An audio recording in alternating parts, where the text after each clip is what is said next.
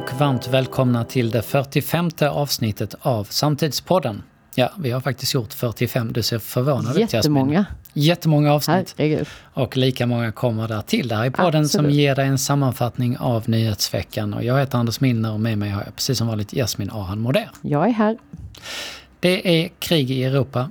Två miljoner människor har flytt efter Rysslands terrorangrepp mot Ukraina. Förra gången jag sa den meningen för en vecka sedan så sa jag en miljon. Mm. Helt galet. Vi spelar in detta på torsdagen. Klockan är 11. När ni hör detta är det fredag. Det har idag, torsdag, gått 15 dagar sedan den ryska invasionen. Rysslands brutala övergrepp chockar världen. Civila mål beskjuts, pressen beskjuts, flyende människor beskjuts, humanitära korridorer mineras. Vi har sett barnsjukhus som sprängs i bitar, kärnkraftverk som beskjuts. Det kommer varningar nu om att Ryssland kan komma att använda kemiska vapen mot Kiev. Den stora konvojen som är på väg mot staden verkar fortfarande ha problem att ta sig fram. Utrikesminister Lavrov, som alltmer träder fram som en fullständigt verklighetsfrånvänd människa, eh, träffar just nu när vi sitter här på torsdag klockan 11 sin ukrainska motpart i Turkiet. kom en flash här precis för några sekunder sedan som sa att eh, ingen vapenvila har uppnåtts under samtalet. Vi får se var, var det här tar vägen. 27 EU-ledare eh, EU-ledare träffas eh, under fredagen i Bryssel för att se hur man ska kunna göra sig oberoende av rysk energi. Och läget i Mariupol är katastrofalt. Ryssland eh, eh, totalisolerar och eh, skjuter sönder de här människorna som befinner sig i staden. Ukraina ber omvärlden att hålla flygrummet ovanför landet stängt, men omvärlden är skeptisk eftersom det riskerar att trappa upp situationen mot ett världskrig. Eh, kom precis att USA skickar 6,5 miljarder dollar i stöd till Ukraina för militära medel och 6,6 miljarder dollar i humanitärt stöd. Vi fullständigt peppras av nyheter eh, kring detta. Hur, hur följer du utvecklingen Jasmin? Hur ser dina Eh, medievanor ut nu? Ja, men bara eh, fick väl en liten chock här i måndags när eh, jag fick sån här eh, information från telefonen om hur min skärmtid hade ökat förra veckan med 86 procent Mm. till 7 timmar och 34 minuter. Då ska jag bara säga att jag sover ganska mycket på ett dygn. Mhm. Så att jag undrade då hur... Alltså jag måste ju ha gått med telefonen konstant. Mm. I, eh, nu i denna veckan försöker jag eh, faktiskt bearbeta mig själv att inte titta så mycket. Men, Vad tittar du på när du ja, tittar? men då, då, dels har jag ju din eh, fina Twitter-lista som jag följer hela tiden eh, med väldigt mycket bra, både journalister och andra som känns väl insatta. Eh, det blir ju väldigt mycket direktrapportering, inte helt nyttigt för hjärnan. Och sen så går jag ju ut i andra, liksom lite djupare eh, nyhetsflöden från eh, CNN och BBC och New York Times och Vad Guardian. är det första du tittar på? Vad är det första stopp? På? Eh, på, om jag öppnar telefonen på morgonen så går jag först till Twitterflödet. Mm. Sen faktiskt, det här låter ju kanske sådär, Aftonbladet, för de har Mm. ofta de här notiserna. Och sen går jag ner i de djupare liksom och tittar på. Antingen är det, det beror lite på, eh, BBC är lite sena på det i sina såna här. Eh, men just för att få en djup så går jag in på de här andra tidningarna. Ja, men du har ju nämnt Mm. också Guardian som är Mm. bra, men även eh, New York Times har jag uppe nu och ja, lite beroende på vad, vad, Mm. vad det är för, för eh, nyhet som kommer upp. Mm. Ibland kan det ju vara mer att, att det är någonting som, som påverkar oss direkt. Liksom. Sverige hot kanske. Mm. Ibland är det ju mer det här eh, liksom en bekräftelse att eh, vad som har hänt under natten till exempel i Kiev. Mm. Så det beror lite på. Men det är jag, jag tittar ju mycket på nyheter. Mm. Jag har nog Guardian som första stopp. De, de har en bra live-rapportering Mm. och de har även bra fördjupningar men de gör också dagligen så vad vi vet. Det här vet vi Mm. på 15 Mm. dagen, det här vet vi på 16 dagen. Det här är det viktigaste som har hänt just nu. Eh, tipset är ju att försöka hitta de där eh, stora eh, mediebolagen som gör den sortens eh, genomgångar som man faktiskt kan lita på Mm. Ja, precis. på ett bra precis, sätt. precis. Och att man gärna kan kombinera det med, med det här flödet som sker Mm.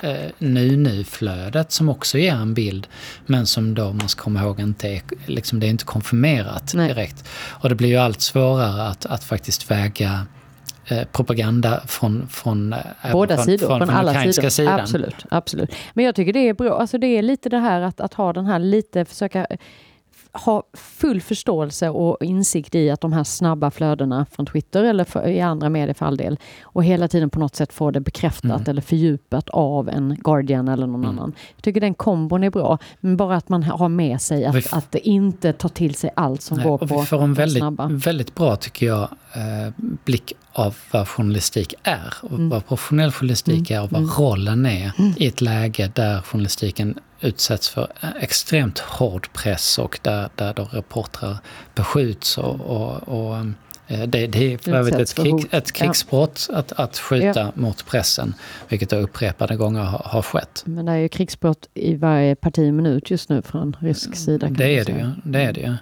Jag läste en, en, en bra text av eh, Thomas L. Friedman i New York Times som jag tog, tog en liten prenumeration på. Det var ganska billigt Mm. att ta en digital prenumeration Den på. har jag också tagit. Ja. Mm. Eh, han har vunnit Pulitzerpriset tre gånger för, för bevakning bland annat i Libanon, tror jag det var det första på, på 80-talet. Han skriver så här att om, om du får väldigt många saker fel som en ledare, vilket Putin har, har ju liksom Mm. en enorm rad felslut i, i sina eh, strategier Mm, mm, ju säga. gentemot Ukraina. Mm.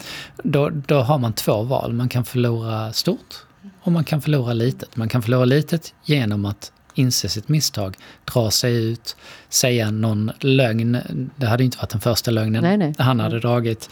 Och eh, Avsluta sen avsluta. Mm. Liksom.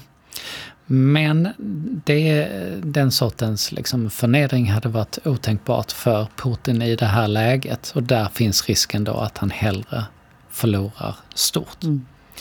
Och att förlora stort i det här sammanhanget eh, innebär idag risker för eskalering. Vi ser redan nu Mm. hoten om kemiska vapen mot krig. Det finns hot om, om kärnvapen som finns här. Det finns hot om eskalering, att det här går vidare till eh, ett, ett världskrig eller liksom ett större krig. Mm. Det finns också hotet när hela Ryssland, då, vilket man håller på att göra nu, dras ner i en eh, ekonomisk kollaps. Konkurs. Mm. Och den ekonomiska kollapsen kommer att påverka hela världen på olika sätt. Mm. Men den kommer ju framförallt påverka Ryssland. miljontals människor i Ryssland som det redan Mm. gör. Mm. Ehm, Den sortens analyser, väl genomtänkta reportage hittar man ju i de här större internationella publikationerna. Även de större eh, publikationerna i Sverige såklart. Absolut. Som en följd av det här så sker ju saker- väldigt snabbt nu. En sak handlar om försvaret. Mm. Och Mm. nu plötsligt så kommer budet att 2% av Sveriges BNP ska gå till försvaret, en stor ökning. Och att fler unga får ställa in sig från och med idag på att göra värnplikt. Vad är dina tankar här Jasmin? Det är en svår fråga. Ja, den är jättesvår. Jag, det är klart att i stunden så, så, så finns det ju naturligtvis en... Man känner sig rädd och man känner sig pressad. Eh, som statsvetare jag är med mycket fokus i nationella relationer, inte för att jag har några svar på det, så, så kanske jag inte är fullt så stressad över att vi måste öka försvaret. Om jag säger så. Det, det kommer jag få massa skit för säkert. Jag tror att vi behöver tänka eh, på väldigt mycket annat. Eh, som, jag säger inte att det är det är viktigt och det kanske mycket väl är nödvändigt så som de gör. Jag kan inte tillräckligt mycket om, om det. Jag hade önskat att vi hade samma diskussion åtminstone och samma fokus på vad vi långsiktigt också kan göra eh, kring de frågorna som vi har pratat om innan, demokrati, eh, faktiskt få upp ögonen för att den här typen av, av kriser, eh, invasion, invasioner, eh, eh, övergrepp finns ju i världen hela tiden.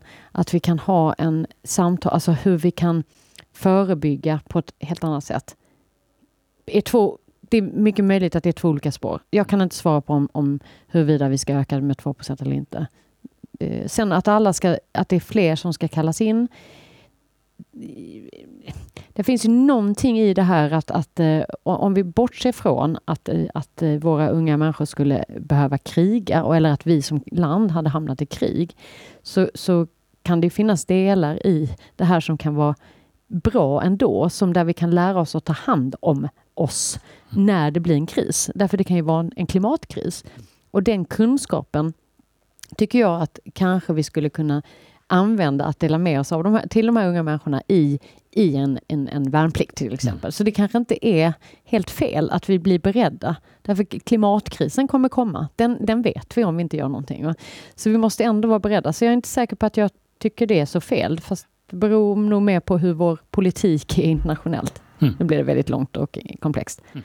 Summa summarum, jag vet inte. Vad tycker du? Vi, jag, jag tycker det är bra. Jag tycker att det varit en naiv nedrustning mm. av försvaret mm. eh, som varit allt för långgående. Och självklart kommer det här ta väldigt, väldigt lång tid mm. att bygga upp. Något liknande gör man inte i en handvändning. Nej. Det kostar väldigt mycket pengar och eh, det är väldigt mycket kompetens också. Mm. Och det, då alla de här gamla regementena i någon slags företagshotellstäder eh, ja, eh, nu. Jag vet inte, ska man bygga nya? Ja. Eller var, var, ska de ligga? Eller för de måste, ja, det är mycket gissar jag, det tar ju en stund. Eh, mm. Komma på platsen, de, de platserna finns ju inte kvar. får man ju skapa nya. Mm. Men, men jag tycker det är bra, jag tycker mm. det är senfärdigt att vi mm. borde ha gjort för länge sedan. Mm. Vi har ju frågan om NATO också som har blivit väldigt aktuell här. Eh, om Sverige skulle välja att skicka en NATO-ansökan i detta läge skulle det des ytterligare destabilisera läget, sa statsminister Magdalena Andersson på en pressträff i tisdags i veckan och fick omedelbart hård kritik här. Mm, för naturligtvis mm, är det ju inte det är Ryssland som destabiliserat läget, ja, inte huruvida vi nej. väljer att säkra vår försvar. Och eh, då finnarna svarar ju eh, omedelbart på detta såklart och säger att då kan man ju fråga sig hur Sverige skulle ställa sig till att ge Finland militärt stöd om vi blir angripna mm, av mm, Ryssland. Mm, det skulle ju vara extremt indestabiliserat. Ja, vad, vad säger det man? Ordet. Mm. Det där. Och eh, igår, eh, i, som då i onsdag, så fick ju Magdalena Andersson backa mm. rejält mm. från, från det här.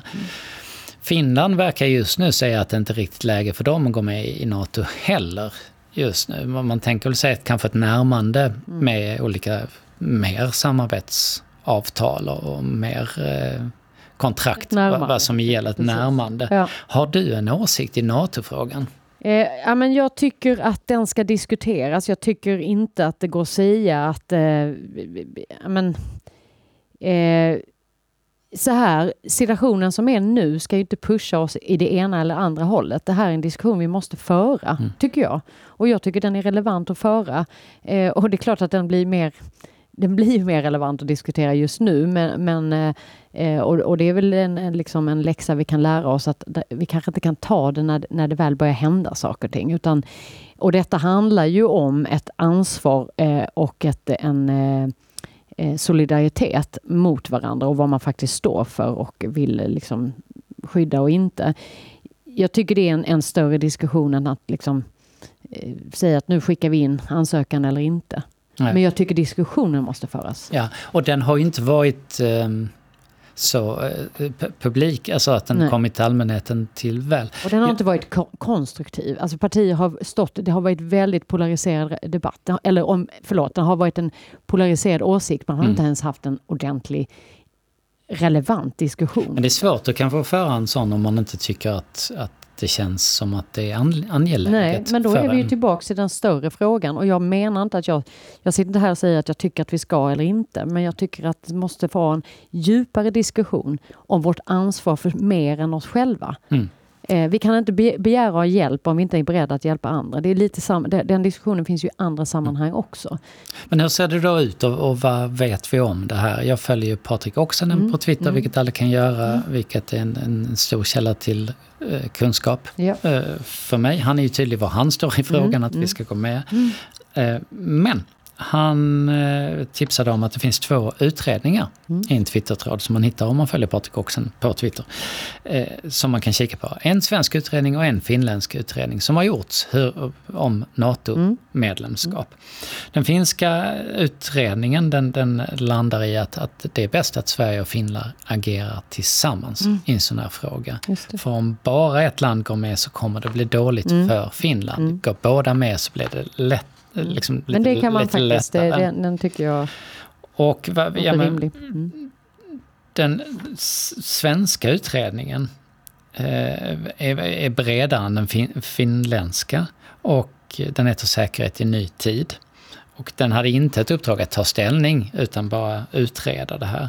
Eh, man kommer fram till att går man med i NATO här så kommer det leda till en politisk kris men att Ryssland skulle anpassa sig mm. efter ett tag till mm. det. Mm. Och, och, samma, ungefär samma sak tolkar jag det som att finländska kommer fram till. Att det kommer bli kris och mm. konflikter mm. och, och massa följder av det. Men att man har sett att Ryssland på många sätt har anpassat sig. Man mm. slutar hota efter ett tag och anpassar sig till den nya situationen. Och det som har hänt sedan dess är ju då, eh, vilket Patrik Oksanen skriver i den här tråden, är ju såklart det här angreppet i februari mm. 2022. Vilket gör att vi redan har en politisk kris. Den är ju redan här. Va? Exakt. Och eh, därmed så kan ju inte då, vilket han tar, tar upp i, i sin tråd, Finland kan ju inte använda NATO som ett hot längre. Att vi, gör ni någonting så går vi med. De har redan gjort De har redan gjort det, ja, ja. Den... Eh, all handel har kollapsat, mm. allt utbyte har kollapsat. Mm. Ryssland är fullständigt isolerat ja. i mm. världen och, mm. och mm. utropar då ett gäng stater, bland, däribland Sverige, som eh, liksom öppnar fiender mot Ryssland. Alla de, det är hela den demokratiska världen som, som mm. är, är fienderna. Precis de länderna är på listan. Eh, och det är klart att den här diskussionen kommer ju nog, den kommer, måste ju vara med i valrörelsen. Ja men absolut. Och nu när du tar upp det så, så ja men det här som sagt, det är ju ingen lätt eh, diskussion men, men det blir ju lite eh, dumt. Det är lite, alltså det här att säga att eh, vi kan inte förvärra situationen. Det, jag blir, oavsett om, om, vi pratar NATO eller andra eh, eh, sanktioner eller annat, eh, vi, vi, får, vi får inte göra det värre. Eh, förlåt, förlåt, men det är ju Alltså säg det till de som förs försöker fly i de här mm. korridorerna som, som blir bombade. Jag bara känner så här, vet ni vad?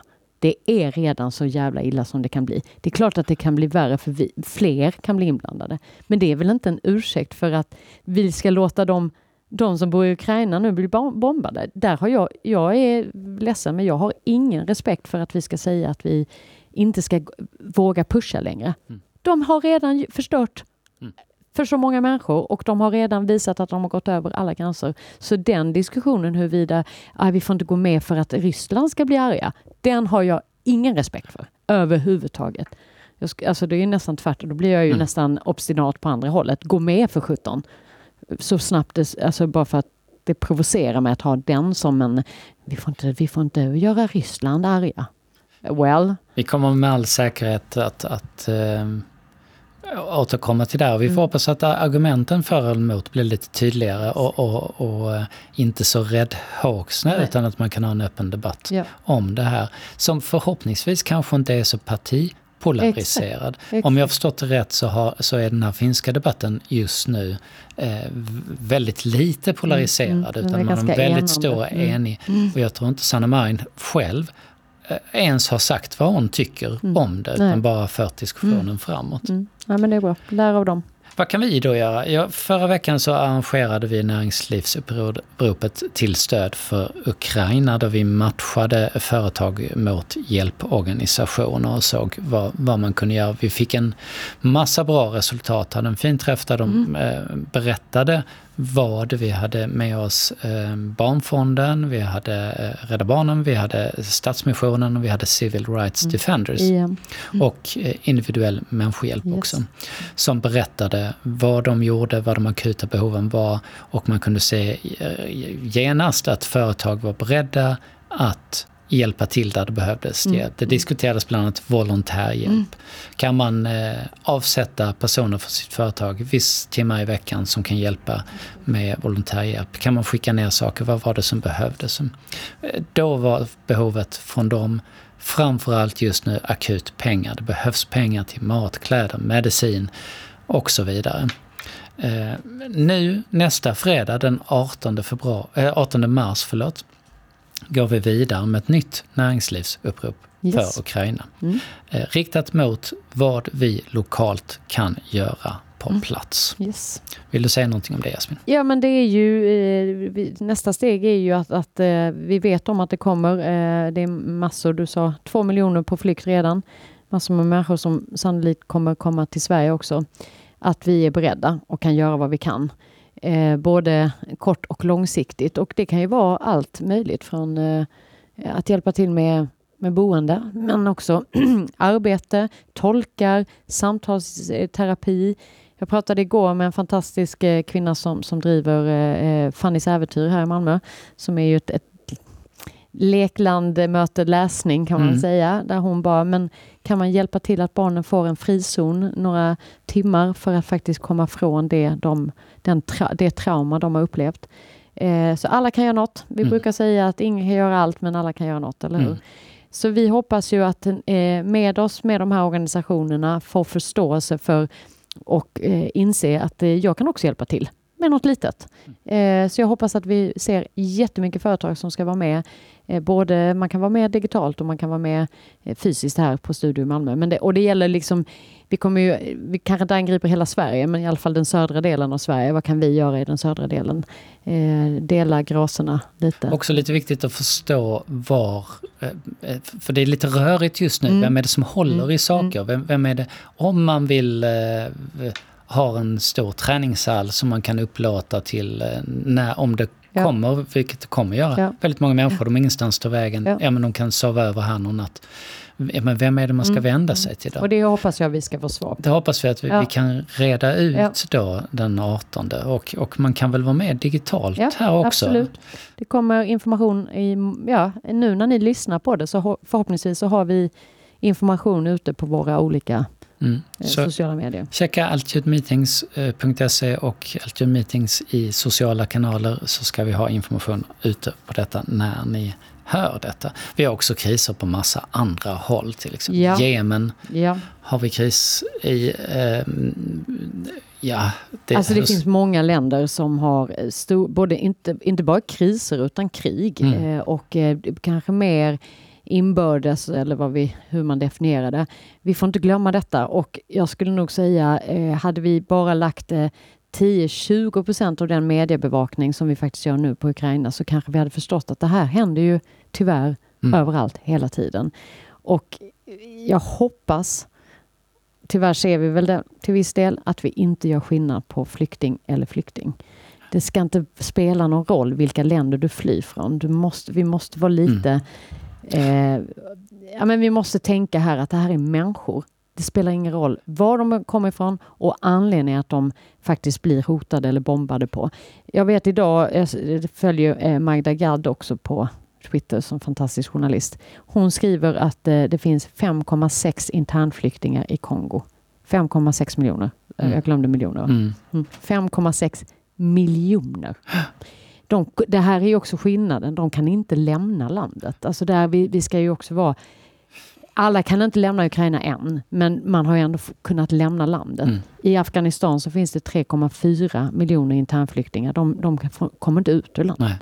Det här var ju Glöm någonting det. som IM lyfte på förra näringslivsuppropet. Mm. Vikten av att arbeta långsiktigt och långsiktigt eh, stötta där det behövs för att vi kan vi måste göra vad vi kan i stunden för, för eh, de här människorna Mm. från Ukraina och verkligen göra enorma insatser här.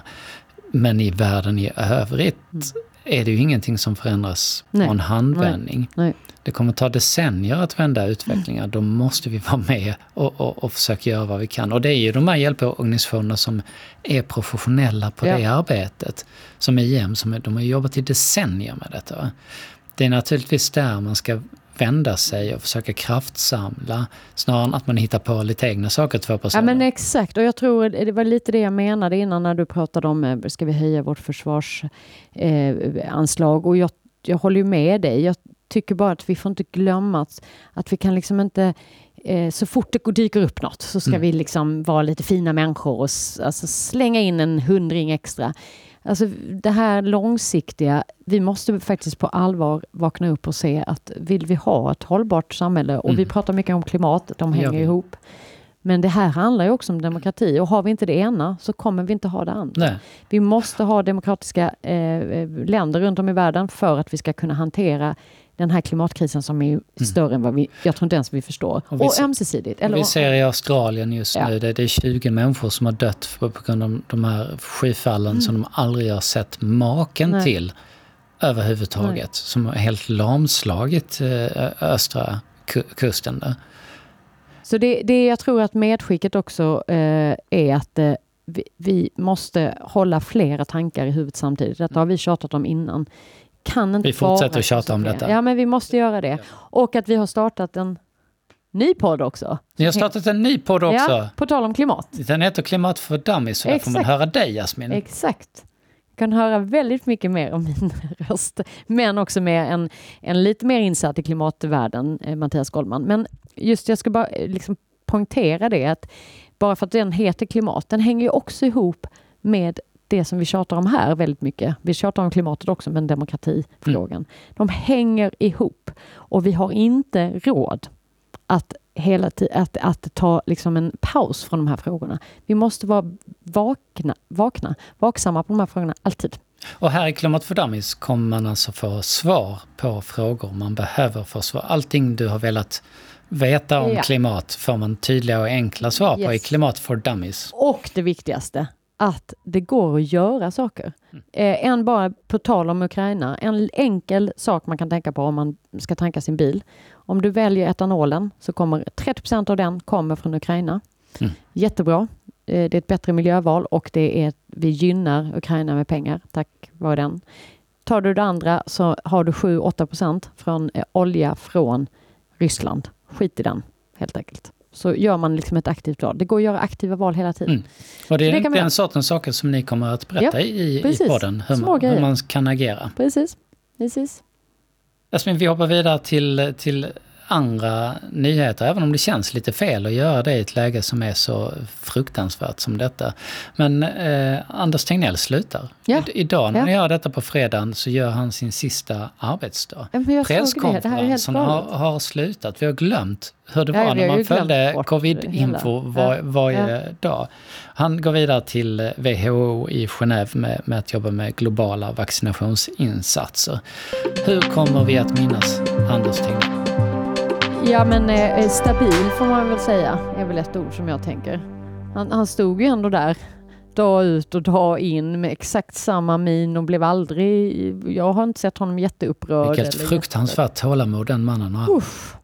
Jag känner honom, jag bara känner så här, ja, grattis och hoppas att eh, det här blir en, en kul utveckling för dig. Ja, det är och, du värd, skulle jag säga. Och vad jag, vad jag fattar så börjar han tämligen omgående mm. där. I, istället, jag hade tänkt mig som efter tre års semester. Ja, eller eh, Där jag inte kommer titta på eh, journalister eller läsa mm. Twitterflöden eller, eller så. Men eh, stabil, eh, ex, faktiskt lite grann en förebild hur man hanterar och besvarar frågor, även frågor som är insinuanta, som är återkommande, eh, dumma och mm. Mm. sen har jag såklart fått, fått massa kritik också för olika saker han sagt. Men mm. jag brukar tänka så här. Om någon hade ställt fram en mikrofon till mig varje dag, flera gånger om dagen i två år och varit hela skalan mellan eh, nyfiket undrande och extremt jävla Arg. provocerande. Ja. Ja, men det finns. Nog hade jag sagt några felaktiga ja, eller dumma saker på vägen. Då är du ju ändå stabil, om du jämför med mig. det hade ju gått så sjukt dåligt för mig. Det hade, jag hade varit ovän med hälften av de här journalisterna. det spelar ju ingen roll om de hade rätt eller fel. Oh, nej. nej, all heder. Så nå någonstans, eh, eh, eh, tack Tegnell, för Mm, att, för att du, Bra du förebild. orkade detta. Mm. Nu går vi vidare till veckans spaning. Och veckans spaning den handlar om det så kallade kulturkriget. Mhm. Du kommer ihåg det? Det är mycket man har glömt. Det har blivit precis som när pandemin slog till så blev det ju tyst på alla de här eh, jäkla nissarna som bara drevar Ja. omkring i sociala medier. Mm. Vad ska man ta vägen? Man kunde liksom inte... Nej, och så blev det tyst och så blev det liksom, man kände man kunde andas. Vi Mm, pratade om det här i podden Mm, då när mm, pandemin mm, startade. Mm. Samma sak nu med Ukraina, fullständigt tyst. Här har man ju en intressant koppling mot hela det här eh, blåbruna fältet som då driver det här kulturkriget för att alla de har ju antingen haft kopplingar till en vi ska inte släppa in en enda invandrare för de är ett hot eller till Ryssland som Mm, SD-sfären väldigt tydligt Mm. haft kopplingar till. Och nu så ser man ju då att, att eh, ja, hur hanterar man sån här situation? Uppenbart för hela världen att det land och den intressesfär som har påverkat hela högerpopulismen i Europa och USA och stött och gynnat den med pengar och desinformation och trollfabriker och Mm. bottar som pushar upp deras inte längre kan ses som en... Man kan inte ens skoja med det. Skulle du välja Biden eller Putin? Ja, pass. Det kan man inte säga i ett nej, läge där de nej. bombar sönder barn. Nej. Det går inte. Så vad, vad gör man nu? Var tar det här Mm. fältet vägen? Mm. Var tar kulturkriget vägen? Vad är din spaning? Min spaning är att enda vägen ut ur det här, det är ju att, att på något sätt koppla det här återigen till nationalism. Mm. Det vill säga rätten att försvara sitt land. Eh, Men samtidigt, det här är ju folk som inte vill se ett starkt Europa om vi går ut på Mm, den högerpopulistiska. Man är emot överstatlighet va? och vill riva ner de strukturerna. Det är ju det som Ryssland, därför Ryssland har stöttat de här Mm, rörelserna i mm, alla mm, europeiska mm. länder för att försvaga Europa. Precis. Och för att inte det vi kunde se nu händer, att Europa står enat. Det, trodde, Mm. Mer det, enat det var ju därför man trodde att man Ja, inte får, man har ju 20 De har års missat tid hela, de har gjort en, försökt det här. Liksom. Bedömning. Så, men hur kan man då vara en stark nationalstat 2022 efter det som har hänt utan ett överstatligt samarbete, utan ett starkt Europa, utan kontakter med... Det är ju omaning. Omöjligt. det kommer liksom. inte, nej precis, det kommer inte. Så eh, spaningen är då att, att, att man kommer låtsas såklart att man aldrig har sagt detta, man kommer inte ihåg det. Så eh, att, Sverige är fullt. Nej men jag har väl aldrig stått i någon slags jaktkläder som Kristersson och säger så vi håller våra gränser. Jag menade ju att det handlar om starkt försvar, inte om flyktingar. Man kommer låtsas. För, för det gör man ju numera. Man bara, alla partier låtsas. Och det är ju ingenting som är det fält. Men man, man kommer låtsas. Man kommer låtsas att man inte tyckte att asylrätt har varit ett hot mot det svenska urfolket. Tror jag. Men kan, men kan man det? Alltså det är, förlåt, men jag är helt med dig. Men, men eh, Ja, man- mer än någonsin har vi ju jag svart tror på vitt man kan intervjuer, det om man samtal, lyckas citat. behålla den här tanken att vissa sorters etnicitet är ett hot för den kriminella utvecklingen. Men där finns väl ändå... In, bara Alltså- inte den från Ukraina, för den, den är ju... Är ju den är ju nästan... den är ju en frizon här. Så. Men, men de här andra, vi. och, De ser ut som vi, så då och är peka på vi. gängen och peka på brottsligheten Mm, mm. där. Att hålla sig fast vid det är ju det, det enda. Men, Men det- tror du det? Jag tror inte det håller. Um, Klart är att man ser ett skifte i debatten. Ja. Mattan har Ja, ja. ryckts undan. Nu är det en, en helt en annan Mm. eh, problemformulering s- som gäller här. Och folk kommer svänga i panik. Mm. Det kunde vi se på Magdalena Andersson som ena veckan sa att Sverige är fullt, vi ska inte ta emot, Ja, ja, vi har ja, fyllt absolut. vår kvot. Absolut. Några dagar senare så bara, ja, Ja. okej, Ja. vi ska ta emot. Och bara en liten parentes där. Och helt plötsligt så, så är vi... Känns det som att det är lättare att ta emot? Alltså det är lite det, men Ja. gud, vi har lärt oss jättemycket sedan 15. Nej, det har vi inte, skulle jag säga då. Men okej. Men också det man ser i Polen. Jag vill bara liksom att de, det finns liksom ingenting som är flyktingläger, utan de Nej. har ju i princip slukats av familjer. Eh, skulle vi ju hantera det på samma sätt så kan vi ju på, har vi ju inga problem att ta emot. Då kan vi ta emot folk från andra länder också. Den stora eh, frågan som min spaning mynnar ut i, Mm. det är att vad är det vi ser? Är det ideologins stöd eller ideologins pånyttfödelse? För att ideolo- ideologi har liksom inte legat i någon slags grund för det vi har sett Nej. i det här kulturkriget. Förutom då, man, man, men man kan inte kalla eh, högerpopulism för en ideologi, för det, det, det är det inte riktigt.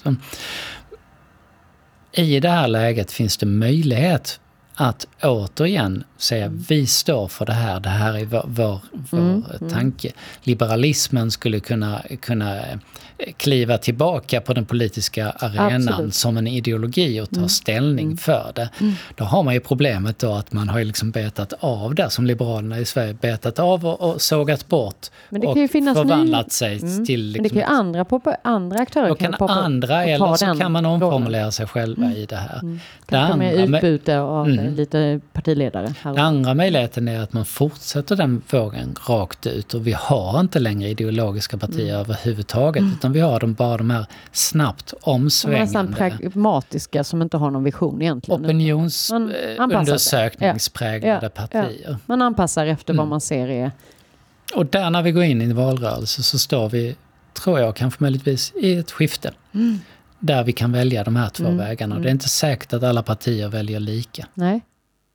Den är väldigt intressant. Eh, man har, har ju, jag hoppas ju att lärdomen, det här är min personliga åsikt, men att vi eh, som människor lär oss någonting, att vi måste ta det här, det som vi pratade om innan, mm. ta de här frågorna på mycket, mycket större allvar och ha, eh, bestämma oss. Mm. Hur vill vi att världen ska se ut? Mm. Det handlar ju om ideologi. Och jag tror att jag hade gärna sett mer ideologi, mm. för mm. den är mer fruktbar i ett debattutbyte mm. och i en diskussion. Ja, men att vi blir lite tydliga. Än de här liksom låsta positionerna. Ja. Utan eh, en, en fast ideologi vad man står för och sen är lösningen en annan sak. Ja. Där kan man göra samarbeten och man kan, man kan kompromissa om saker mm. om man vet var man står mm. någonstans. Och vart man vill. Och vart man mm. vill. Mm. Idag vet ju ingen vart de vill.